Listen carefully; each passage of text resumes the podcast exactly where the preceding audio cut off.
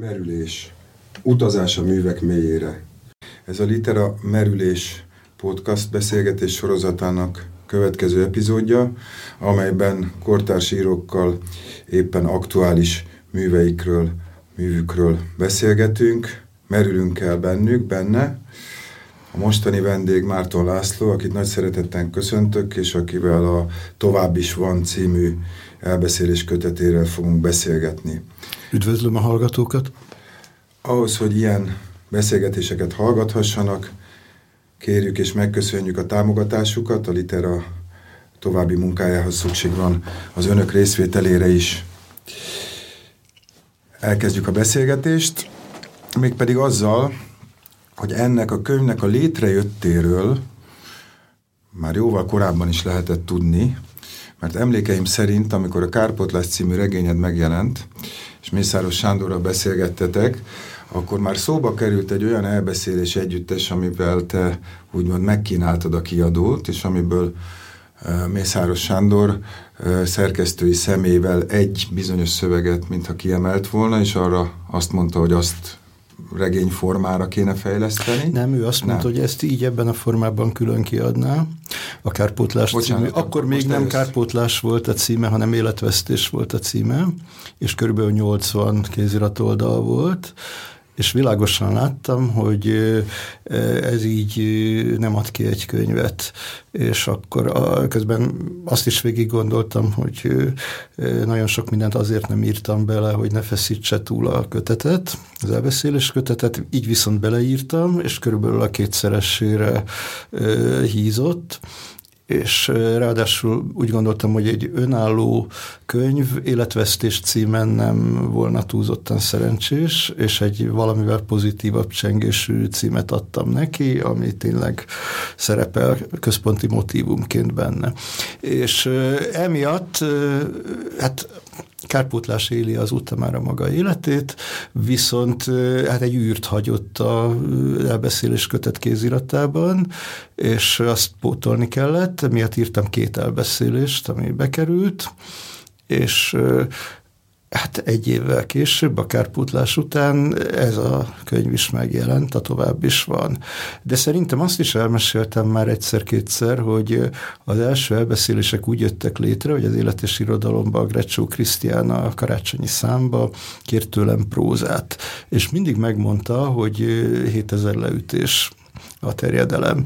És egy fegyelmezett ember vagyok, ezt a kívánalmat igyekeztem teljesíteni, de közben meg a gyak, minden gyakorló író tudja, hogy ez nem így működik, hogy akkor most írok egy 7000 leütés terjedelmű kis prózát, hanem hát bizony az ember erőszakot tesz saját magán, hogy begyömöszölje az adott terjedelembe a szöveget, én pedig rájöttem, hogy ezt nem kell tennem, hanem írom, írom, és amikor látom, hogy már közel vagyok a 7000 leütéshez, akkor oda teszek egy szaggatott vonalat, és aláírom, hogy tovább is van, de azt majd máskor mondom el.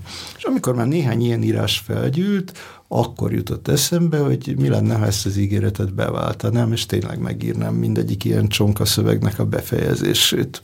És ahogy írtam ezeket a szövegeket,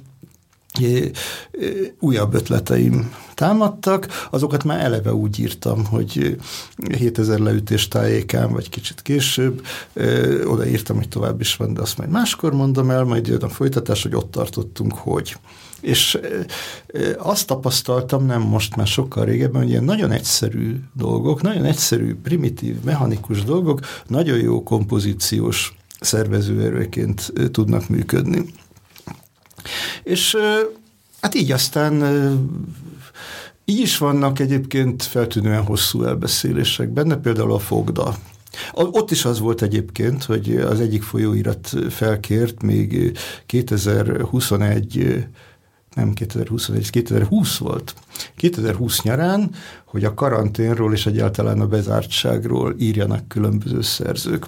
És engem a karantén különösebben nem érdekelt íróilag, viszont egy katonai fogdáról nagyon jól tudtam írni. És a körülötte levő különböző szellemi és egyéb bonyodalmakról, szellemi és érzelmi bonyodalmakról, az megint csak kis regényterjedelmű, és akkor nem tudom, mit csináltam volna, hogyha a kiadóm azt is külön kötetként akarta volna kiadni, szerencsére ez, az belefért ebbe a kötetbe. Um, közelítsünk a terephez, amin mozgunk, térhez és időhöz, amelyben ezek a, ezek a szövegek megjelennek, pontosabban amelyeket újra gondolnak, újra alkotnak. Ha nagyon egyszerűen fogalmazok, mondjuk történeti értelemben, akkor Kádár korszak keretein belül gondolhatók el ezek a szövegek, amivel természetesen nem azt mondjuk, hogy, hogy mindösszesen ennek az időszaknak mint most sok, sok idézőlet kéne kitegyek, a, a, a, a kor tüneteivel foglalkoznak. Történelmi időben vagyunk, amelyben természetesen mindenféle elágazások lehetségesek különböző korábbi korokban is. Viszont azt láttam, és ezt felvettem rögtön, hogy, hogy a korábbi köteteidet figyelembe véve nekem, ez most nem biztos, hogy alapos vagyok, mert nem vettem végig, de az Emel a gyilkoshoz kötöttem vissza az olvasmány élményeim alapján, eh, ahol mm, az elbeszélői hang önéletrajzi erejét éreztem. Most direkt nem azonosítom vele, tehát próbálok egy ilyen distanciát tenni, és azt hiszem, hogy ez az olvasók számára is termékeny lehet. Tehát, hogy ez lenne az a partvidék, amin valahogy újra elkezdtél mozogni, vagy nem tudom, hogy ez hogy nézett ki íróilag, és te hogy látod reflexíve? Ez egy nagyon pontos megállapítás. Az írások egy része még a járvány első, második hulláma során jött létre. Egy ilyen helyzetben az ember számvetésre kényszerül, vagy számvetés késztetését érzi. De nagyon hamar rájöttem arra, hogy itt kétirányú hát, sugallatra van szükség, hogy egyrészt nyilvánvalóan életrajzi eredetűek a szövegek. Másrészt az olvasónak azt kell éreznie, hogy az életrajzi hős az, az annyira távol van a szerzőtől érzelmileg, hogy tulajdonképpen nem is, ér, nem is életrajzi hős. És például a Csoda című szövegben ott különböző egészen korai kisgyerekkori emlékekről van szó. És az, hogy én voltam-e az a kisfiú, aki életében először látott lótetűt kibújni a földből, vagy életében először látta azt, hogy a vakont feltúrja a földet, és ebből azt a következtetést vonja le, hogy mégis mozog a föld, akaratlanul galilei szavát ismétli, tökéletesen mindegy. Ez nem fontos. Vagy hogy a szerző volt-e az a szerkesztő gyakornok, aki elmegy egy nagyon tekintélyes kiadói lektorhoz, és annak egy fordítását megbeszéli vele, tök mindegy. Az is tök mindegy, hogy tényleg volt-e tacskója az illetőnek, és azt tényleg Rudinak hívták, nem ez az érdekes.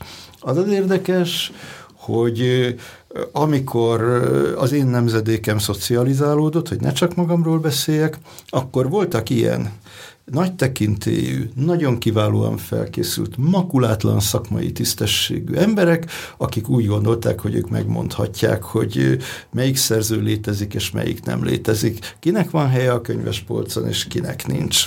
És ez egy általánosabb tapasztalat nem az én életem szempontjából érdekes, mert én, mi volt az én pályakezdésem, az tök mindegy, akkor emlékiratban kéne megírni, eszem ágában sincs, mert egyszerűen az érdektelen.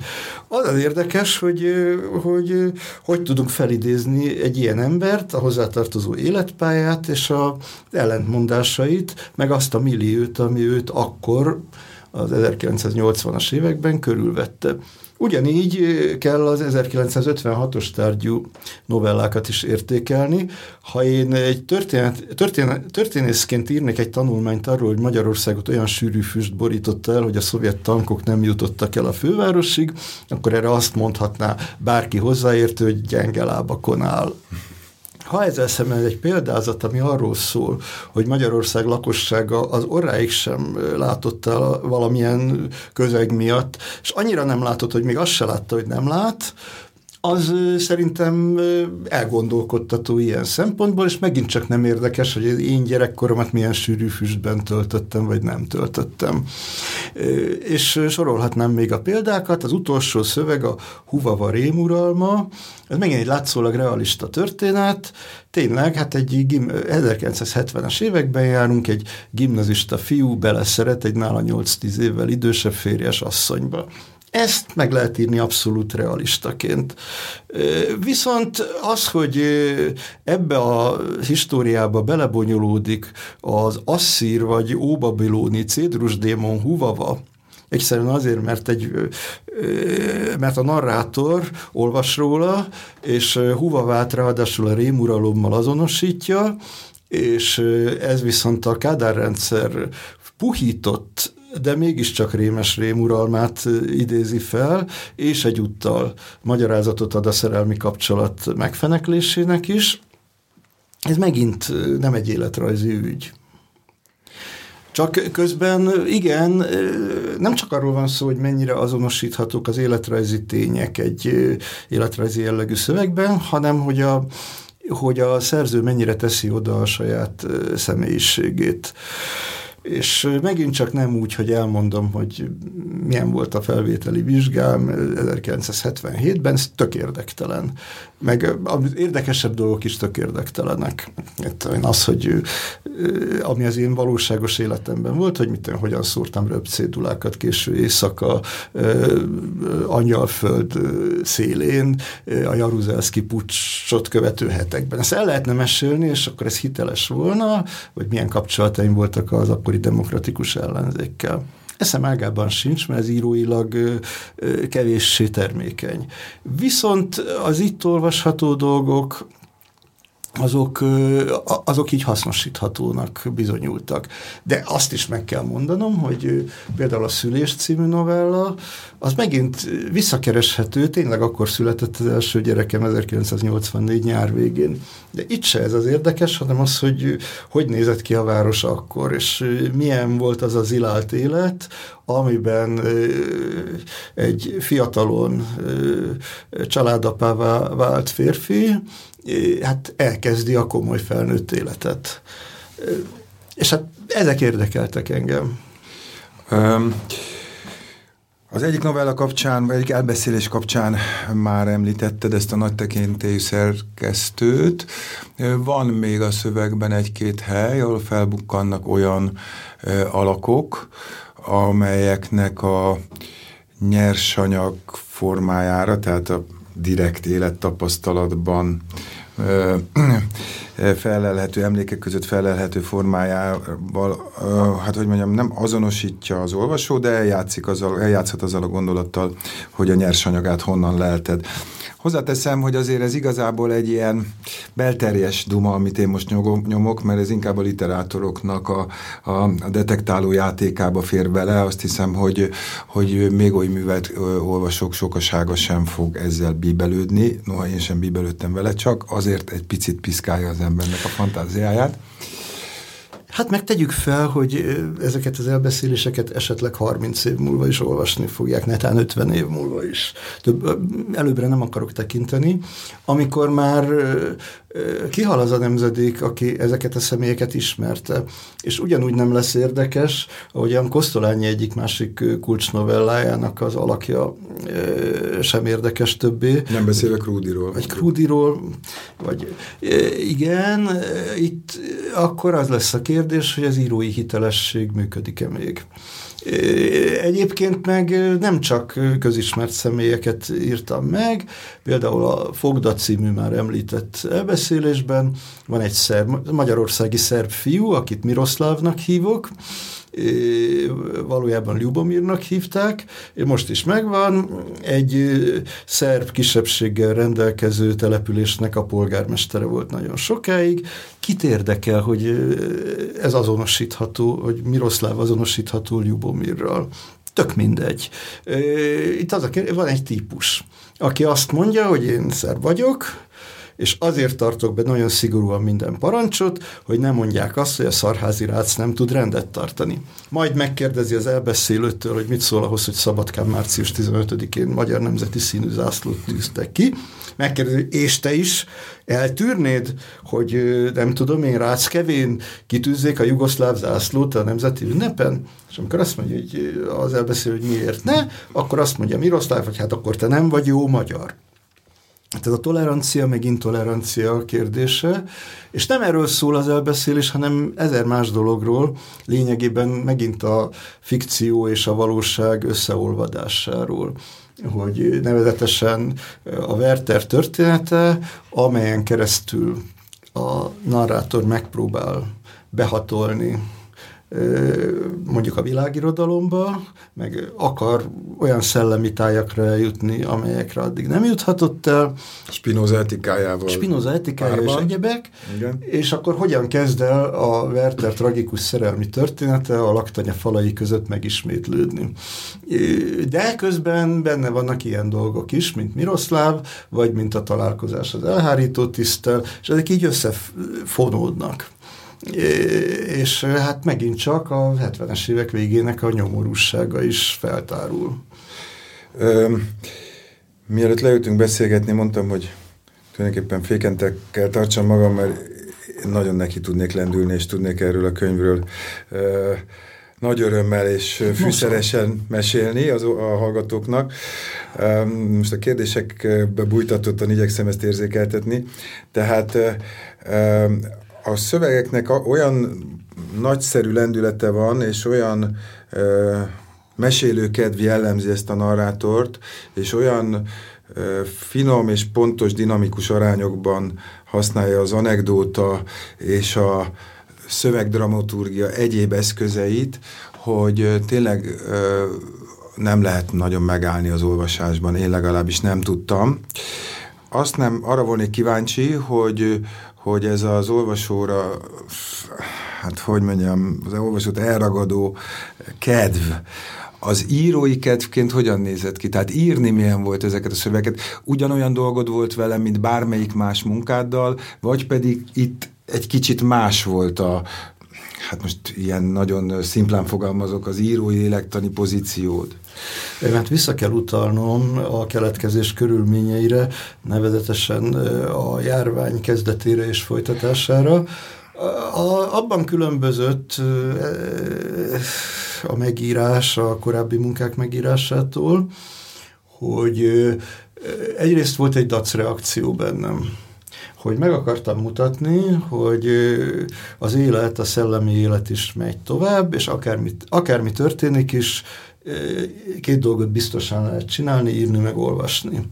És ez alatt a nyomás alatt jöttek létre ezek az elbeszélések.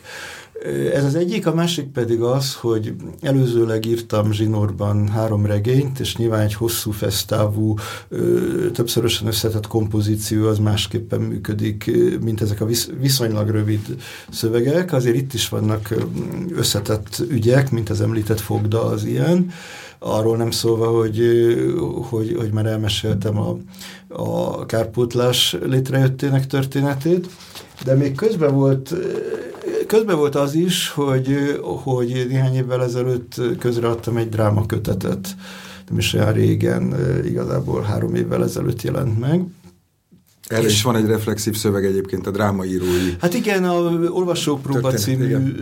szövegről is érdemes lesz majd beszélni igen. egy pár szót hogy ebben a drámakötetben három dráma szerepel. Az egyiket azt 2019 tavasszán három hét alatt írtam, a másikat 40 évig írtam, nevezetesen 1979 és 2019 között. Ez egy külön történet, hogy, hogy miért nem tudtam befejezni. Tehát többször nekirugaszkodtam, ez a római hullazsinat története, a 9. századi Rómában játszódik, egy megtörtént eseten alapul, hogy tudnélik a valószínűleg merénylet által lábalul eltett Formózus pápa a holttestét, az utódja, hatodik István kiásatja, a már oszlásban levő holttestet bíróság elé állítja, koholt vádak alapján halára ítélteti, és a korszak normáihoz képest is különösen, különös kegyetlenséggel kivégezteti. Ismétlem egy holttestet. És ez nem véletlenül már 19 éves koromban a sztálinista koncepciós perekre emlékeztetett, de hát aztán erre rengeteg minden más réteg is rakódott, Jött például a menekültválság, és akkor eléggé kézenfekvő volt, hogy az Itáliát fenyegető normandok, szaracénok és természetesen pogány magyarok, azok nyugati civilizációt fenyegető veszélyként jelenjenek meg. Mellékszál, de ugyanekkor fordítottam a Nibelungéneket is, ahol mai szemmel nézve a burgundok és a hunok tragikus összecsapással, mely tömegmészárlással végződik, az megint csak a nyugati és keleti civilizáció centrum Európa és periféria Európa kölcsönös meg nem értését vetíti előre. Na most ez a háttere annak, hogy, hogy, hogy ilyen dacreakcióképpen írtam ezeket a novellákat. És így összegerebéztem rengeteg más ötletet is, tehát tudtam volna kétszer ennyit is írni, de egy, egy, egy idő után úgy éreztem, hogy ennyi körülbelül elég lesz. És aztán majd meglátjuk, hogy hogyan tovább, mert mint a cím sugalja, tovább is van. Ö, Szerintem az, hogy, hogy én nem lettem depressziós a járvány első időszakában, hanem hanem másokat is tudtam biztatni, hogy, hm. hogy álljanak ellen, saját gyengeségüknek is, ha kell, az ennek köszönhető, ennek a lendületnek, ami ebből adódott. Ki fogunk térni az Olvasó Próba című novellára, azért is vetettem közbe, hogy nehogy elfeledkezzünk róla, de ezt megelőzően szeretnék felolvasni a könyvből valamit, hogy láthatóvá váljon, hogy mennyire sokrétegű, és voltak éppen azok a kérdések, amelyek végigkísérik a pályádat, és amelyeket időről időre tematizálsz, azoknak így, ez a könyv sincs hiány, ugyanis ez a bekezdés így hangzik. Képtelen volt eldönteni, vajon a nyelv, amelyel írói munkáját végzi, anyage vagy inkább munkaeszköz. Mert ugyebár a kettő egyszerre nem lehet. Vagy mégis lehet? Vagy inkább a nyelv mégsem anyag, nem is eszköz, hanem közeg, amelyben szerző és olvasó, a kritikusról nem is beszélve, íróilag létezik, költőileg lakozik. Szép a Heidegger parafrázis is a végén. Úgyhogy de ezzel együtt egy ezen, ebben a hangnemben mégis csak nagyon mély és nagyon alapvető kérdés merül itt fel. Ezek, amikor írtad, ezek hogyan épültek be a szövegbe, miközben nem esnek ki belőle, és nem, nem lógnak ki belőle. Ha formalizálnám, azt mondanám, hogy merész, mert tulajdonképpen mégiscsak bevet egy olyan reflexív elméleti aspektust, amit nem biztos, hogy egy novella felbír magába venni, és felveszi. Itt megint csak távolságot kellett tartanom ettől az író figurától. Bevallom töredelmesen, hogy itt ezt nem magamról mintáztam, hanem egy fiatalabb pályatársról, aki egy nagyon érdekes írói problémát kezelt a művében, a regényében, nevezetesen mi van akkor, hogyha egy író megpróbálja megérteni az angyalok nyelvét, és eljut a megszólalás határáig. Ez egy nemzedékét tekintve ez a szerző pontosan a nagyobbik fiammal egy idős, tehát ő már egy másik tapasztalatot közvetít. Nyilván, hogyha saját fiatalkori dilemmáimat építettem volna ebbe bele, az, az tényleg kilógott volna a szövegből. Itt erre ezt tudom mondani, uh-huh. de hát a, a már említett olvasópróbában is, legalábbis az itt olvasható változatban rengeteg írói ötlet, megvalósulatlan írói ötlet van, miközben így én azt is tapasztaltam, hogyha van egy nagy terjedelmet kívánó írói ötlet, amelyet összenyomunk kicsire, akkor ez felforrósodik. És erre akkor jöttem rá, amikor a Jorge Luis Borges argentin írónak az Almutaszim nyomában című szövegét olvastam, ahol ő felidézi egy bombéi ügyvéd 1932-ben megjelent, illetve nyilvánvalóan meg nem jelent regényét, 800 oldalas regényét, és elmeséli négy-öt oldalon regény tartalmát. És akkor nyilvánvaló, hogyha ez a regény létezne, akkor egy teljesen középszerű, hígvelejű szöveg lenne, viszont a Borges meglehetősen szatirikus és ugyanakkor iszonyú tömény, eszenciális ábrázolásában egetverően zseniális. És nem akarom magamat hozzámérni Borgeshez, meg nem is azt állítom, hogy azt próbáltam meg még egyszer megcsinálni, de itt egy olyan színpadi szerzőről van szó, aki regényeket is ír, és néhány meg nem valósult regényötletet ott vázoltam. Itt is bevallhatom, hogy nekem ilyen regényötleteim nem voltak, eszemágában sem volt ilyen regényeket megírni. Itt arról van szó egyébként, hogyha röviden össze kellene foglalni a cselekményt, hogy van egy színház, ahol a szerzőnek úgy néz ki, hogy bemutatják a darabját, és elmegy az olvasópróbára, és aztán kiderül, hogy mégsem mutatják be a darabját, mert bajok vannak vele. Most ennek két változata létezik, aki kíváncsi az elsőre, az elolvashatja a Kalligram folyóiratban, ott ez megjelent. Ott nagyon erős a személyes indulat, és harag, sértettség, és aztán hát rájöttem, hogy ez nem jó. Hát nem azért nem jó, mert mert kiszolgáltatom magamat, én, mint magánember, de úgyis persze, mint szerző, hanem azért, mert, mert ettől elvékonyodik a szöveg. És, és akkor rájöttem, hogy, hogy úgy, úgy kell távolságot tartani, hogy beleírok egy csomó meg nem valósult ötletet, és megváltoztatom a konkrét körülményeket is. Tehát az, hogy történt velem valami, valamikor, amit én személyes sérelemként éltem meg, és ami akkor az első változat írás, akkor még nagyon friss volt, aztán eltelt egy kis idő, mondjuk egy év, és akkor már nem volt annyira friss, és akkor rájöttem, hogy a, a porújért szerzőt is ugyanolyan távolságból tudom szemlélni, mint mondjuk a gyáva színigazgatót, vagy a szószoros értelemben elszállt rendezőt, aki még az olvasó, még a próba folyamat leállítása előtt elrepül Indonéziába a vajang színjátszást tanulmányozni, és akkor már megvolt ez a játék, hogy, hogy benne van a személyes odatétel, és ugyanakkor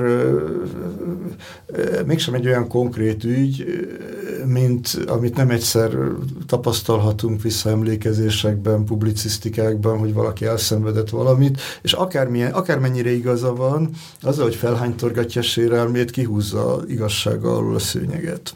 Ezt akartam elkerülni, és szerintem ez sikerült is. Hát a sértettség az valóban, azt pacifikáltad ezt a problémát, és hát akkor irodalmi vagy esztetik értelme azért vagy olvasói befogadóként azért egy keserű és fájdalmas szöveg. Hát egyébként még ráadásul fölteszi a narrátor a kérdést a elbeszélésbeli írónak, hogy és a te tisztességed mennyire abszolút. És akkor kiderülhet nagyon is relatív benne éltél a rendszerben, elkövetted a magad kompromisszumait, jó, nem csináltál gaztetteket. Ez igaz, de ez azért nem olyan nagyon nagy érdem. Értékén kell kezelni. Csak akkor már az írófigurától is tudunk távolságot teremteni. Um, nem alkalmas arra, hogy szóval Igen, belőle. nagyon fontos, amit mondtál, mert ugye a Kádár rendszer, amit a beszélgetés során ugye már azért párszor előfordult, és a könyvnek feltétlen erényé, erényeként látom azt kiemelkedően, hogy képes úgy játszani a íróértelemben, úgy játszani a, a, a rendszer és az egyén, a szabadság és a kötöttség vagy a rabság problémájával, hogy egyrészt eszembe jutott a volt egy német filozófus, az Otto Pögeler, és azt mondta, hogy nincs az a politikai rendszer, ami teljesen és maradéktalanul kimerítené az emberek életét, akiket az alávetetje. Ezzel természetesen nem azt mondta, hogy nincs az emberek élete ilyen-olyan módon ellenőrzés alatt, és így tovább az összeset nem mondjuk végig, de mégiscsak ott van valamilyen játék, ebben a könyvben ez is benne van, és ugyanakkor az is benne van, amit most az előző megválaszod végén mondtál, hogy valamilyen módon mindenki involvált volt. És ezzel nem azt mondjuk, hogy kollaboráns volt, nem azt mondjuk, hogy együttműködő volt, sok árnyalata volt ennek a történetnek, de ez az életvilág azért mégiscsak ilyen keretek között volt meghatározó, tehát akár egy telefonfülkébe álltál egy képpel, egy aktuálisan vásárolt képpel a hónod alatt, mm. és vártad a, a gyermeket születését, vagy bármilyen a fogda jelenet, hát ez nyilván egy erősen metaforikus képként is elgondolható, de ez ott van. Ugyanakkor mégsem úgy tehát nem egy olyan rezüméje van ennek a könyvnek, hogy akkor vagy azt mondja, hogy nosztalgikus értelemben legkevésbé sem, hogy itt akkor nem tudom, mindenki nyalta a fagylaltot, és természetesen úgy sem, hogy azt mondaná, hogy valójában mindenki teljesen blokkolt zárlat alatt lévő ember volt. Hát az publicisztika volna, ráadásul annak is egy oldalú. Így van.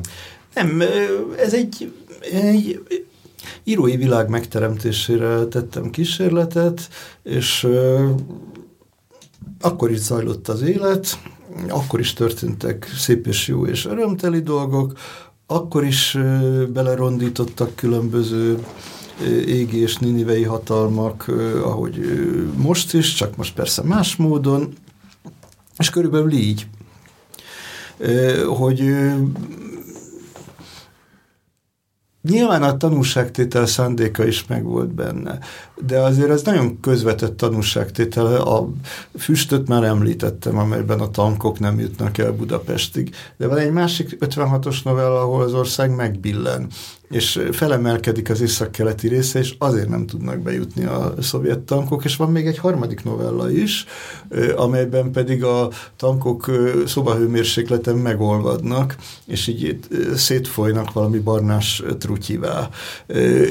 És azért akartam három egymásnak tartalmilag félig meddig ellentmondó novellát megírni, hogy világos legyen, hogy nem egy egységes disztópiát akarok elgondolni, mert az megint csak szétvetette volna a könyvet.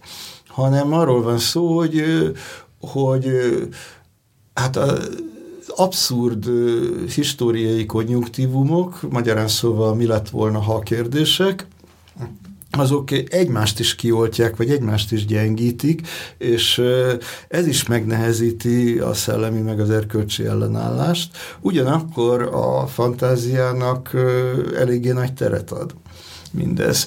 És, és ezt próbáltam meg valahogy érzékeltetni, és ezért fér bele ez a 356-os novella, ahol ott szoros értelmében nem volna életrajzinak tekinthető, hiszen hát a születésem előtt három évvel történtek ezek a dolgok. Történtek volna, ha megtörténtek volna. E, és hát a szerző az egyidős az életrajzi hőssel, tehát hogy mind a kettő három évvel 56 után született. Van még egy idézetem, ami talán ö, illeszkedik, korrelál a kérdésemmel, és arra, azzal a válaszsal is, amit adtál. Egy olyan szövegből idézek, amelynek az egyik vonulatában van egy kortárs, az, elbeszélőnél jó lehet fiatalabb szerző, aki egy utolsónak bizonyult találkozás alkalmával, mert aztán később a fiatalabb szerző sajnos meghal, ad egy ajándékot a látogatónak, azaz az elbeszélőnek.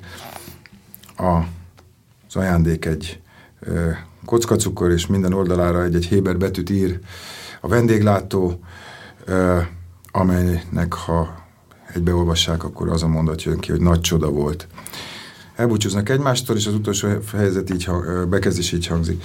Odakint már legalább másfél órája nem jártak a trollibuszok. ML gyalog indult a nagykörút felé. Elerett az eső. Csepergett, aztán sűrű zápor lett belőle. ML, mire felszállt az éjszakai buszra, bőrigázott. A kockacukorból, ebből az életre szóló fejedelmi ajándékból úgy szólván semmi sem maradt. Egy kis ragacsos málladék az akúja zsebében, ennyi volt az egész. Továbbá maga az állítás az, hogy nagy csoda volt.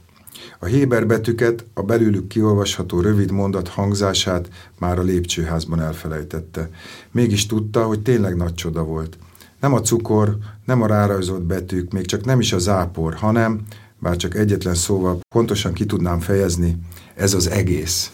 Most ennek az egésznek az, itt találom a gyönyörű hangsúlyt, hogy valójában az elmondhatóság határába ütközik ugye az elbeszélő, és ez azt hiszem, hogy poetikailag és próza gondolkodás szempontjából az egész kötetnek az egyik meghatározó. Hát igen, és ez a fiatal költő, akihez vendégségbe megy a elbeszélés főhőse, akit Emelnek nevezünk itt. Ez egy közös barátunkról van mintázva, ki is mondom a nevét, Simon Balázs, aki egy szörnyű betegségben csak ugyan 34 évesen meghalt, És akinek egyébként, szóval akár azt is mondhatom, hogy ezzel neki ajánlottam, vagy az ő emlékének, kettő majdnem ugyanazt jelenti, hogy az ő jelenléte olyan volt, hogy valóban azt juttatta az embernek az eszébe, hogy maga ez az egész a nagy csoda. És ennyiben egyik legemlékezetesebb mondása volt ez, holott ő sok emlékezeteset mondott, és közben pedig tényleg úgy éreztem ennek a szövegnek az írásakor, hogy, hogy először csak a félelmekről akartam írni. És aztán rájöttem, hogy ezt ki kell valamivel balanszírozni, és az legyen a csoda. És akkor ez így jött létre. De nagyon fura egyébként, hogy, hogy van például a Szégyen című elbeszélés, és annak is több változata van. És viszonylag későn jutott eszembe, hogy ebbe bele kellene építeni az Ingmar Bergmannak a Szégyen című filmjét. Eredetileg egyáltalán nem volt benne. Nem is gondoltam rá, és akkor leírtam azt a mondatot, hogy, hogy láttad a szégyent? Akkor hoppá, hát ezt kell látni kell. És sokszor volt már olyan érzésem, nem nagyon sokszor, de azért egynél jóval többször, hogy így kellett volna kezdeni. Tehát, hogy miért nem jutott ez eszembe rögtön? Egy, most nem mesélem el azt a drámát, amiben beírtam egy kiegészítő jelenetet, mert arra utalás sincs ebben a könyvben, és ott is ez volt, hogy egy színésznőnek írtam egy fontos szerepet, hát ennek rögtön így kellett volna lenni. És ez az írói munkának a szerves velejárója.